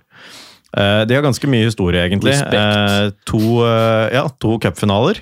Og Lyn har møtt dem flere ganger, men de siste 35 årene så er det bare i 2014 vi har møttes. Da var i hvert fall jeg på tur. Jeg lurer på om Morten også var på tur. Nei, nei. Du var ikke på tur, og ingen av dere var med på, til Nei. Haugesund? Nei. Jeg hoppet i hvert fall inn i et gjerde og knuste mobilen min. Um, I fjor så spilte Vard i samme avdeling som eh, Notodden, og overlevde også med et nødskrik. Ja. Eh, treningskampen i år har heller ikke vært all verden. Eh, stortap for Haugesund, stortap for Sandnes Ulf og tap for Brann 2. Så slo de et fjerdedivisjonslag 1-0, og så har de spilt uavgjort mot Egersund, forholdsvis sterkt, mot Stål Jørpeland og Lysekloster. Ikke noe skandale, men heller ikke noe opprykkstempo. Ehm, det har skjedd litt på overgangsfronten. Ingen totalutskiftning, men mistet en Kjetil Vatland Olsen med 22 kamper, som har gått til Kopervik, sikkert for å trappe ned. Klaus Niukuri med 19 kamper har gått til Haugesund. Så har de fått inn en eh, som spilte temmelig fast for Egersund i fjor. På papiret en veldig sterk signering, og så har de fylt på med en del spillere som har levert godt i tredjedivisjon. Uh, og I tillegg så har de fått inn to proffspillere fra FK Haugesund på lån, og det er sett at det er ikke helt uvanlig at eh, FK Haugesund låner Vard litt firepower. Eh, så også i år, ser det ut til. Eh, sannsynligheten er nok stor for at de ender For at de befinner seg fra sånn midt på tabellen, kanskje til og med litt ned. Men eh, det er heller ingenting som tilsier at dette her er en klubb i eh, trøbbel, sånn som Notodden f.eks. Eh, hadde høyere omsetning enn budsjettert i 2022, gikk med overskudd. Eh, må ha sterkt fokus på økonomistyring også i 2023, men det hadde de i fjor. og og um, har spillelønninger på et par millioner. Så de, det er en klubb med ja, Dette er ikke en veldig liten klubb, dette er ikke noen klubb som, uh, dette er en klubb som tilsynelatende hører hjemme i PostNord, ut fra organisasjonen de har, har uh, rigget. Så det er det jeg har å fortelle om Vard denne gang. Nå begynner vi å nærme oss lag det er litt mer eh, sportslig spennende å følge med på, og vi skal først til Fløy. Vi skal til Fløy. Fløy Flekkerøy IL. Stiftet 1950. Stusslig logo, må jeg bare si. Kunne, Stusslig navn nå, kunne nøyd seg med enten Fløy eller Flekkerøy?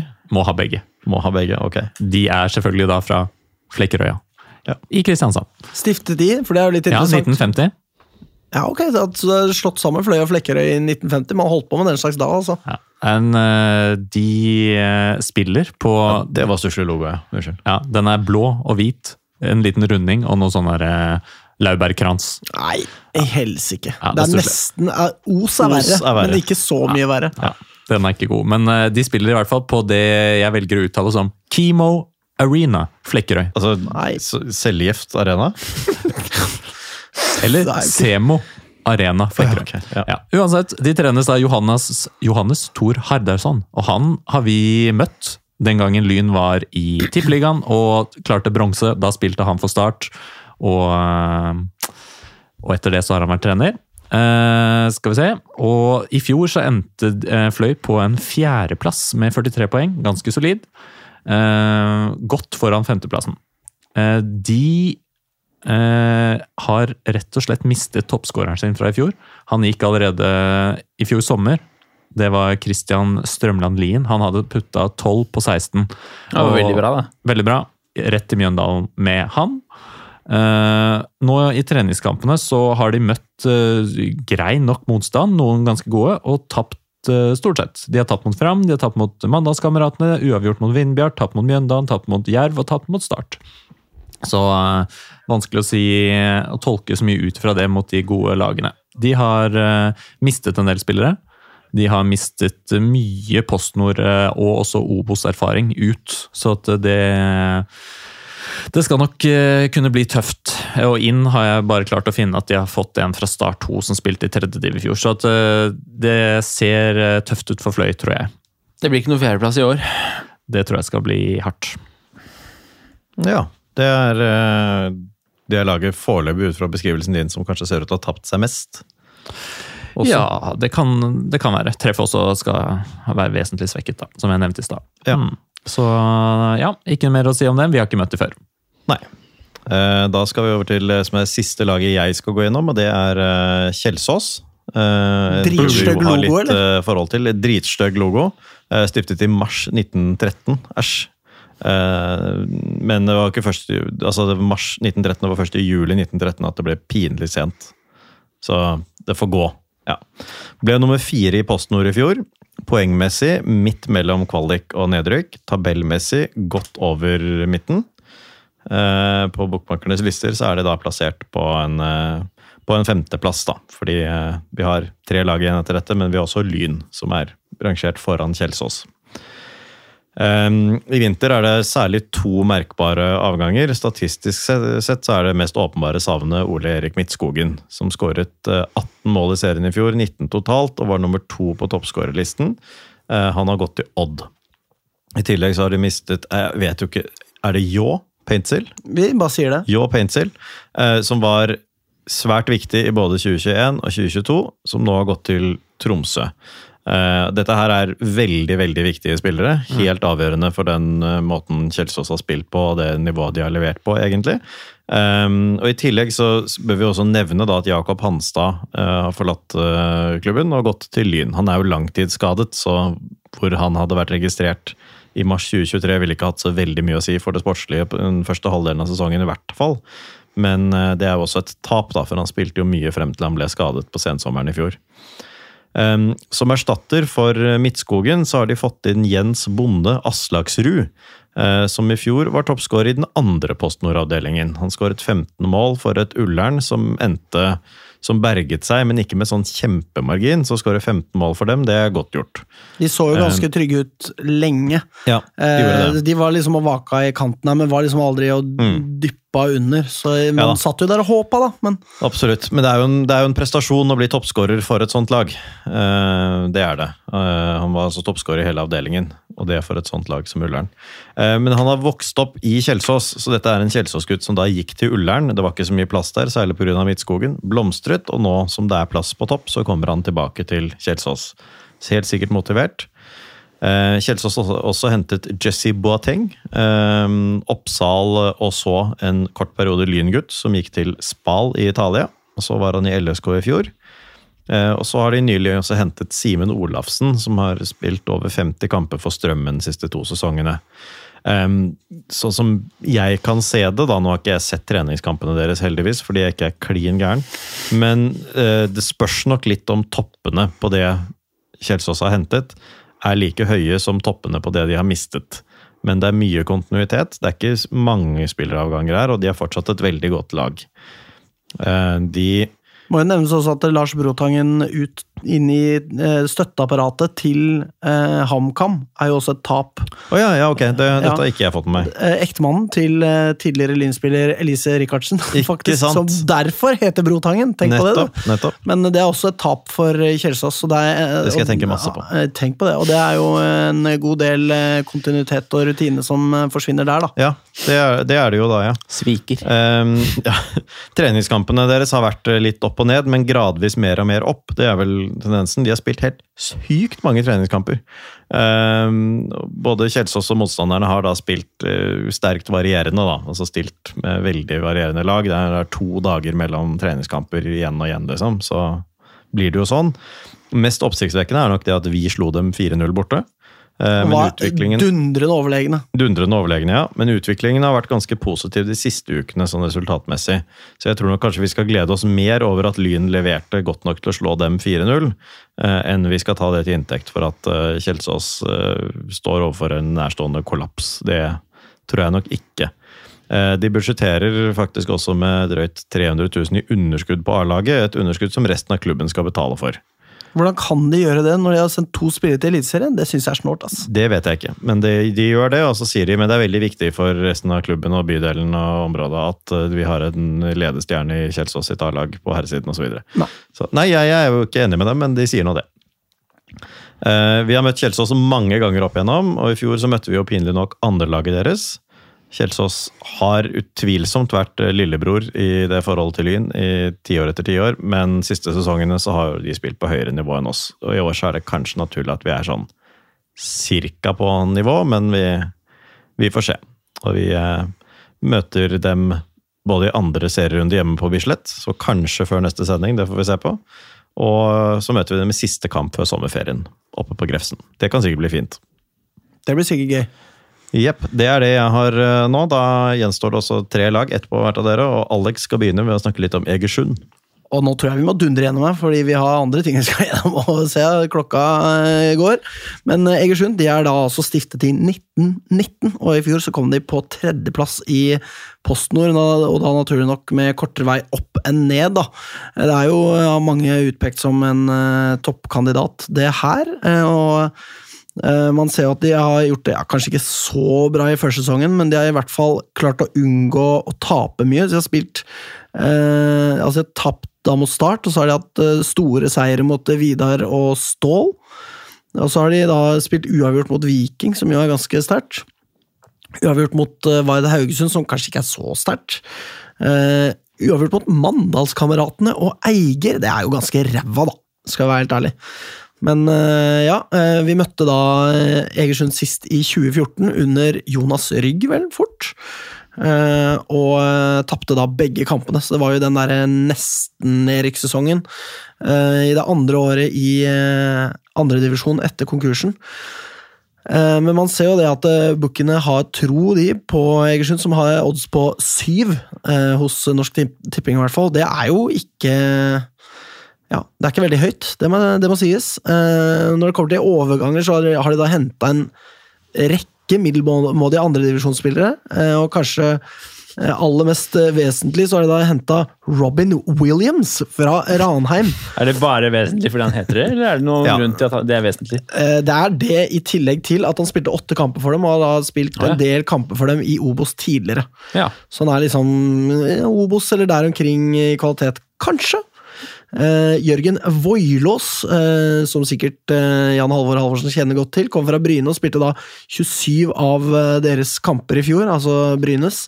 eh, Hvor da 24 av dem var i Obos. Så det er eh, Det er jo voldsomt. Ganske- 24 kamper i Obos i fjor. Ja, Han pleide jo da å spille fast på Notodden i andredivisjon. Han er bare 24 år gammel, så dette er en å se opp for, absolutt. altså. God research. Eh, Knallresearch. Eh, De har da sendt Simen Hammershaug til Ullkisa, som skåra ti mål for den forrige sesong. Eh, og så går det an å melde at tidligere Skeid-spiller Gabriel Andersen spilte da fem kamper for dem i fjor. Så, han kom da fra Skeid, spilte fem kamper, og har nå dratt videre til Levanger. Så det er antakeligvis en spiller som hadde en viss kvalitet, da. Jakob Dunsby spilte 21 kamper i fjor og skåra åtte mål. Har da gått til Sandefjord, for han har fortsatt å skåre bl.a. i NM da, for Sandefjord. Eh, men toppskåreren, og, eh, og han har de da klart å beholde, er da Adrian Bergersen, som var Bergersen. Eh, han skåra ett mål. Hva sier jeg for noe? Elleve! Ja. Det hadde vært eh, Nå begynner det å bli langt på kveld for fatteren her. Han skåra elleve mål. Eh, Fatteren, Så han er det naturlig å se opp for. Jeg har barn, skjønner du, Morten. Ja. Eh, Så han eh, toppskåreren har blitt, og da er jeg ferdig med å oppsummere klubber. Hvem er neste? Neste er eh, Nikolai, som skal ta oss gjennom Grorud. Da Grorud hopper vi Underdogs. bukk over eh, Lyn, da, må sies. Det gjør vi. Vi hopper bukk over Lyn, for her er Lyn plassert hos Norsk Tipping på tredjeplass mellom Grorud og Egersund. Mm. Grorud de er stiftet 1918, de. Og de trenes av uh, vår gamle kjenning Jonas Framnes Rygg, som jo spilte sist for Lyn i 2014, det samme sesong som han også ble trener. Og vi, som du var inne på, redda plassen i siste runde der, hjemme mot Florø. Fy fader, for en drittmatch. Eh, I fjor så hadde Grorud en helt forferdelig sesong. De har slitt eh, med ryggen mot veggen i Obos i flere år. Og i fjor Og det skal de gjøre i år òg, eller? Altså, i fjor 20 poeng på 30 kamper. Til sommeren hadde de vunnet null matcher. Ryggen mot veggen. Det var vitsen. Veldig flott. Veldig flott. Eh, altså, de endte altså på en 15.-plass, kun tre poeng foran Stjørdalsblink, konkurstruede Stjørdalsblink, som var helt uh, håpløse der nede. Og Skeid var åtte åtte poeng foran dem. Eh, Grorud vant altså til slutt bare fire matcher gjennom hele året. Og det var jo mot klubber som hadde altså kapitulert. Det er riktig. Og, og dermed kan man jo også se på toppskåreren deres, eh, Nikolai Hristov, eller hvordan man uttaler det, bare med syv eh, stakkarslige skåringer. Og, og ellers fikk de jo inn en forsterkning til sommeren der, som kan bli, etter det jeg har forstått, eh, fortsatt er i klubben og kommer til å bli viktig. Peter Godley Michael. Vært i VIF før, kom inn i august, var med på samtlige fire seire som Grorud hadde, og var avgjørende i tre av de fire seierne, med mål. Sånn at eh, han var veldig solid. Seks mål på ti kamper for Grorud på slutten av sesongen. Eh, Grorud de har spilt eh, en haug med treningskamper. Tapt fire, tre seier og én uavgjort. Eh, ingen bemerkelsesverdige resultater der, vil jeg si. Vunnet mot Kjelsås, vunnet mot Kvik Halden. Ja, det, det skremmer ingen. Ellers i stallen så finner vi en, også en gammel kjenning. Didrik Sereba. Oi! Ja. Jeg må si Han vekker gode, minner, gode lynminner hos meg. Han skal jeg nesten vurdere å klappe for. Ja. Nei, Han syns jeg var eh, veldig god i Lyn, og en eh, veldig spennende spiller. Han Veldig har jo, sympatisk far. Absolutt. Han har jo vært uh, i en rekke klubber, spilt masse i Obos. Uh, nesten 80 kamper i Obos er han. Så at en kjempesolid uh, spiller der. Eh, og så da har de jo bytta ut Ja, før du går videre, Ja. Didrik Sereba vurderte faktisk Lyn å hente i fjor. Ja, Eh, hvor da en eh, kjenning av oss ble ringt som referanse. Ingen eh, store penger for å gjette hvem det var. Nei. Så det var da, eh, det var da Skullerud som snakka med en av våre gamle kjenninger. For å høre hva slags type dette var. nettopp. Så endte han i Grorud, da. Nettopp. Nei, Kjempesolid spiller. Men eh, som sagt, Grorud de har jo for en overgangsvinter de har hatt. De har uh, skyfla ut massevis av kvalitet. Bare for å nevne noen. Vi møtte jo Geirald Meyer eh, da vi møtte Grorud 2 nå sist, men han er jo en, vært en førstelagsspiller der. Josias Furaha, eller hvordan man uttaler det, har gått til Jerv. Akinsola Akinyeme gått til KFM. Simen Lillevik, keeper, har gått til eh, KR Reykjavik. Glenn Harviken til Ullkisa. Omar Bulli til Vålerenga og Fabian Østigård Nest til Start. sånn at de, klubben, nei, de spillerne som har gått ut, har gått til solide klubber. Så det sier noe om eh, kvaliteten som har gått ut. Og inn har de jo hentet en hel rekke med folk. De har en eh, Sebastian Sørli Henriksen fra Viking, som spilte for Egersund i fjor og klarte tredjeplass i PostNord. De har Edmund Ovusu fra LSK. Rino Falk Larsen er jo en vi har hørt om. Eh, Lyn ville ikke ha han i fjor, Nei. for øvrig. Nei, nettopp. Og Theodor Agelin, Simen Hegdal Bech fra Treff, som vi nevnte tidligere. Mats Pettersen eh, Andersen fra Skeid, eh, som har masse PostNord-erfaring. Eh, Madhusan Sandra Kumar fra Moss, som var med å rykke opp. Eh, Obos-erfaring der. Eh, og eh, flere veldig lovende fra U21-laget deres. Så at det er enorme endringer. Eh, Vi får se hvordan det slår ut. Eh, Hartmann var jo selv litt skeptisk da han var i studio, til hvordan det ville slå ut med Grorud, men eh, vi får se. De har hentet mye kvalitet og mistet mye kvalitet. Det må jo sies at hva det heter, Lynfanzinen på Twitter, som jo er altså om ikke den beste Lyn-Twitter-kontoen bak oss, så om ikke ja, veldig bra. helt ubeskjedent. Helt ubeskjedent. Vi er den beste. Nei, jeg vet ikke. Folk får synes eh, selv, men eh, de snakka jo om uh, Groruds overgangsvindu som en eh, skikkelig vinner, så det er jo litt interessant å se, se den eh, diskrepansen der, da. Fordi jeg, jeg har absolutt tillit til uh, de som sitter og knaster bak eh, det, det navnet på Twitter. Må også nevne det at Gerhard Meyer gikk til Gjelleråsen. Det er jo litt uh, interessant, da. Hyggelig. Ja, det, vi unner jo gjelder oss alt godt, og for en type i Grorud Underdogs han der. Mm. Eh, Så det er eh, altså så flott. Morten han har beveget seg til gulvet, han, for det gikk tom for, for eh, strøm på laptopen sin. Ja. Og så må han lade, og det, det ser jo helt begynne ut. Og, Morten har jo nettopp ansvaret da for siste klubben vi skal gjennom i dag, nemlig Arendal. og da Ja. tenker jeg at du tar den laptopen i fanget her. Nei. Så, Det kan han Fordi ikke, for han det må ha funker strøm. Ikke den laderen. Eh, men Arendal er unektelig kanskje favoritter da, i årets avdeling. De har 2,60 i odds fra Norsk Tipping, og er stiftet i 2010. Eh, Nei. så det er jo jævla ræva, selvfølgelig, men det var en, altså en sammenslåing av to lag. det så ræva, det. Grane og Traume. Og det er jo også morsomme Det er ikke et Trauma. trauma. Trauma, ja. Eller traume. um, de har eh, et, et eh, latinsk slagord i, i logoen sin, som lyder ad astra per aspera. det er det noen som vet hva det betyr? Nei. Dra til helvete, betyr det. Ja, Det betyr faktisk eh, gjennom vanskeligheter mot stjernene. Så det var fisefint og jålete, da. Eh, De har vært oppe i Obos før, i 2016, eh, 2017, mener jeg.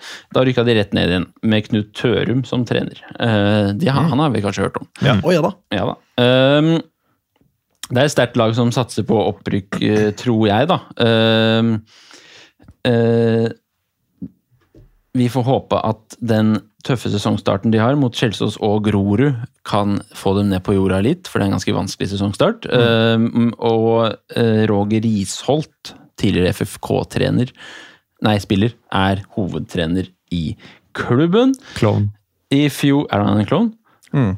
Ja. Ok. Eh, I fjor så eh, havna de A-poeng med Moss, eh, men rykka likevel ikke opp, fordi Moss antageligvis hadde bedre målforskjell. Det var ganske tight der. De Det var tight, ja. veksla om første- og andreplassen her lenge. Ja, eh, Men fikk juling av Skeid i kvaliken, eh, så det var på en måte ikke noe tvil om at de sånn sett var vesentlig dårligere enn enn 14.-plassen i Obos. da.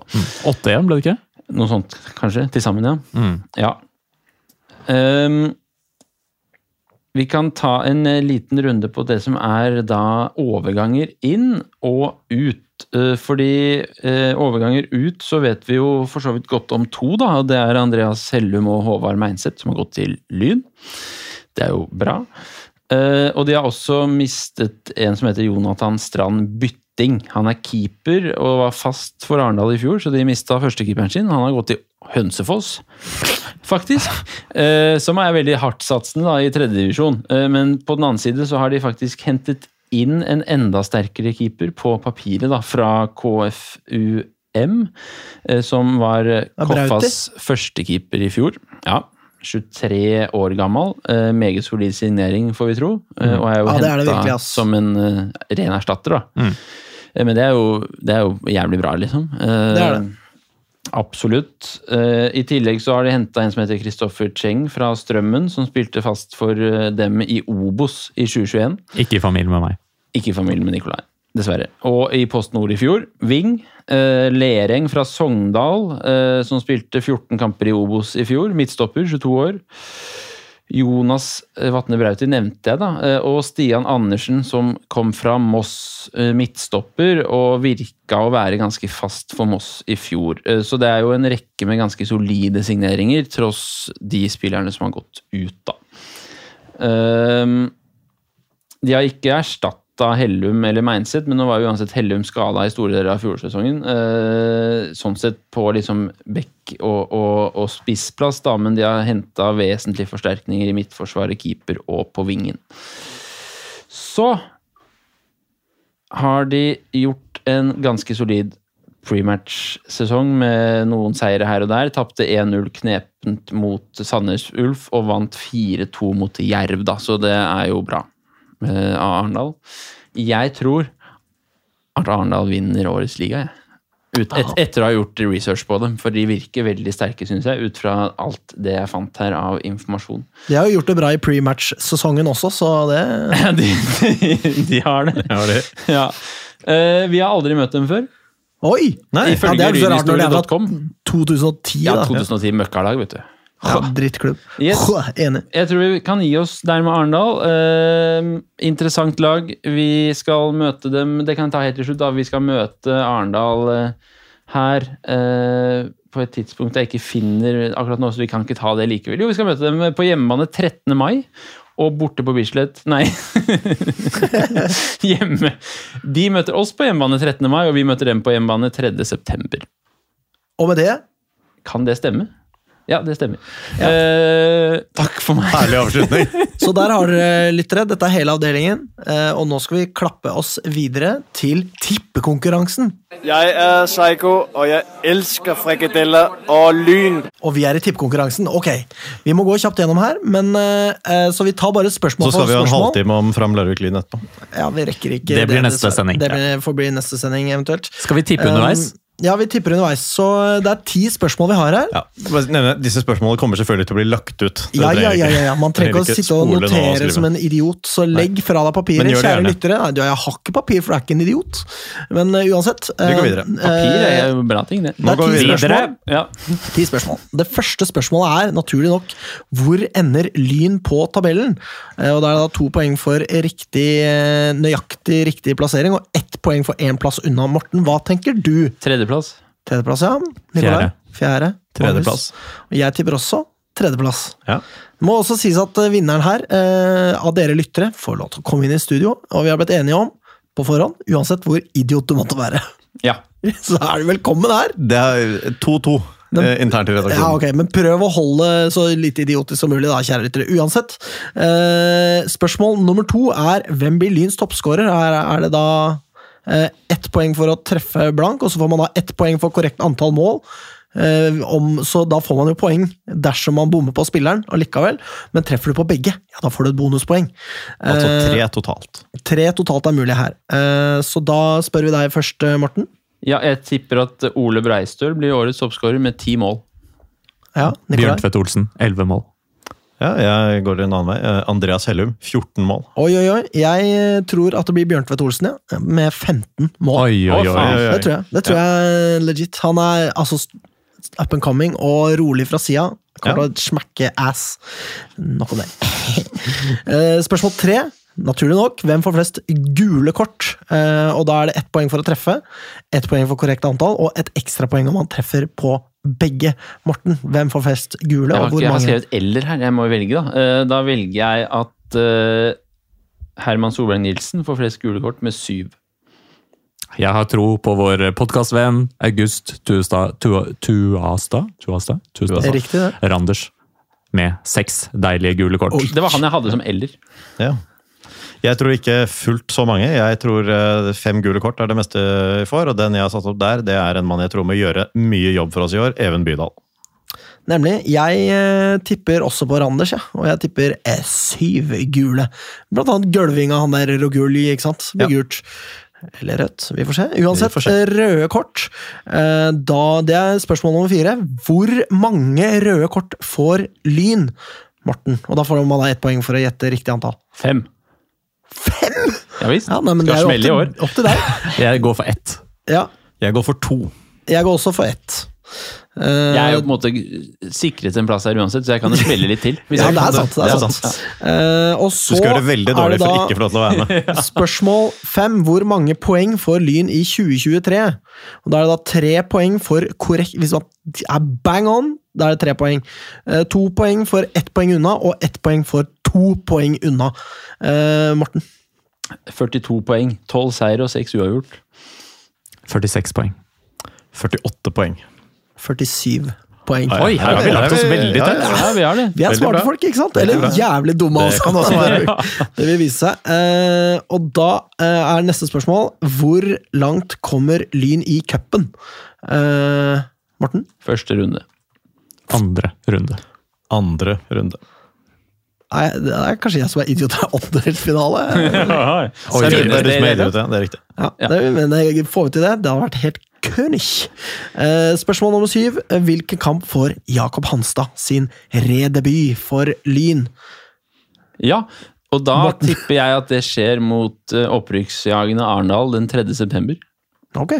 Oi, såpass. Jeg tror hjemme mot Ålesund 2 9. oktober.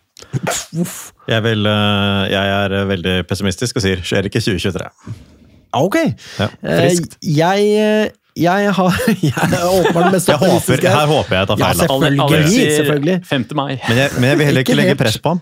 Nei, ikke sant? Eh, her er det da for øvrig ett poeng for riktig svar. da. Eh, jeg sier eh, 21. august eh, borte mot Vålinga 2. Ja, Det hadde vært eh, det kult. gøy. Ja. Eh, neste spørsmål. Det er litt humoristisk vri, dette her. Da. faktisk. Blir det ny emisjon i år? Ett poeng for riktig svar, Morten. Nei. Nei. Nei. Ja, jeg har sagt ja, jeg. Ja, Jeg har ikke mer penger å gi, da, så det er sant. ja. Eh, Neste spørsmål er du da begynne å gi noen av barna dine? Eh, Jeg vil gjerne beholde dem begge, Okay. dessverre, for Lyn. Ja. Uh, de er ikke så gode arbeidskraft heller, får vi tro. Enn så lenge. Enn så lenge, ja, det er sant. Uh, spørsmål ni. Antall hjemmekamper herrelaget får spilt på Bislett, cup og serie. Uh, Ett poeng for å få riktig antall der, altså. Morten, hva tipper du? Ja, der har jeg tenkt at vi får 9 av 13 hjemmekamper på Bislett i serien, eh, og at vi ikke får hjemmekamp i cupen. Eh, Så 9. Der har jeg tenkt nesten likt. Bare én hjemmekamp i cupen. Ti. Jeg har også sagt ti. Ja, her er jeg idiot igjen. 14, har jeg sagt. Oi, oi, oi! oi, oi. Ja, Ambisiøst. Jeg- Faen, jeg tenkte ikke på findings! Det skal ikke være noe findings eller stafetter eller uh, noen ting? Nei. Ikke i år. Det er avlyst, Ikke- faktisk. Det er avlyst. Så Det er sånn der stafettpandemi på gang, bare i motsatt fortegn. hvis du skjønner. nettopp. Uansett, spørsmål ti er hvilken bane spiller Lyn flest hjemmekamper på, bortsett fra Ja. Bislett? Så hvilken brukes mest av de eh, alternative banene Av de som vi har? tre-fire andre vi har. Og hvis det er to baner som brukes like mye, så får, Så får man poeng. Ja. Ja, jeg vet ikke helt hva den heter, da. Nei, da sliter du, Morten. Men eh, det er den banen oppå Koffa der. Jeg tror at vi spiller flest hjemmekamper. KFUM Arena. Det er den heter, ja. Der, der vi spilte i fjor mot uh, ja, Ja, ja, ja. Det er den jeg mener. Og den har jeg også gått for. Den har jeg også gått for. Ja, her må vi bite i den sure, sure sitronen, og det er da Nordre Åsen, tipper Ja. jeg. Ja. Uh, og da skal vi ha en Ja, Men du tror jo ikke at vi skal spille borte engang? Ja, men vi får jo noen, da. Ja, du får noe. Ja. Ja, Han tror vi kommer så langt i cupen, ikke sant? sant, ja. Så det tar igjen for Ikke det. minst. Ja. Uh, vi skal avslutte sendingen. Husk å melde dere på tur til Larvik, da, folkens. Yes. Uh, og så husk å komme dere til Grorud. Jeg vet det er jævlig, men alle tar turen til Grorud for å se damelaget. Ja, kanskje, kanskje ta poeng mot Brann. Vi får se. Vi tipper resultat, forresten. Ja. Morten. 2-1 til Lyn. 0-5. Det er det styggeste som har Jeg, tippa nå jeg, jeg er enig med Nikolai, men sier, uh, sier uh, 3-2 til Lyn. Jeg har ingen tro på det. Ja, jeg sier 1-1. Jeg har ikke tro på det, jeg heller. Nei. Eh, Lykke til, da, jenter. Og så tipper vi fram Larvik-Lyn. ja, det siden. får vi gjøre også. Det blir ikke noe særlig snakk om det. Nei, faen, Stift- der skal jeg klinke Stiftet 1894. Ja. Det er helsikes respektabelt. Jeg starter, Ok. og jeg tipper eh, 4-1 i Framparken her. Det er, eh, ja, Altså 1-4. les om eh, Fram eh, ja, altså Ja. Seier til Lyn, ja. Folk kan godt søke opp Fram Larvik på internett også og lese forferdelige ting. Møkkaklubb, ass. Det kan de gjøre. Jeg tipper også at Lyn vinner, men at det blir en litt dramatisk spennende kamp. 2-3. 3-1 til Lyn. Ja, det er også tenkt å si 3-1 til Lyn. Jeg, jeg gjør det. Det er lov. 3-1. Nå er vi gjennom. Herregud, stakkars moderne media som må sitte og eh, trøkke med oss i alle disse timene. Føles det sånn. Ja. Eh, men vi takker for oss. Eh, og snakkes snart igjen, kjære lyttere. Takk for meg. På det, i hvert fall. Eh, Du tar en klapp som er helt unødvendig. Eh, Vi trenger ikke det nå, fordi jeg må si den greia først. Og så klapper vi etter det. Eh, Spør ikke hva Lyn kan gjøre for deg, spør heller hva du kan gjøre for Lyn. Tusen takk for oss. Kom igjen, Lyn, kom igjen, Lyn, kom igjen, Lyn, kom igjen, Lyn, kom igjen, Lyn! Moderne media.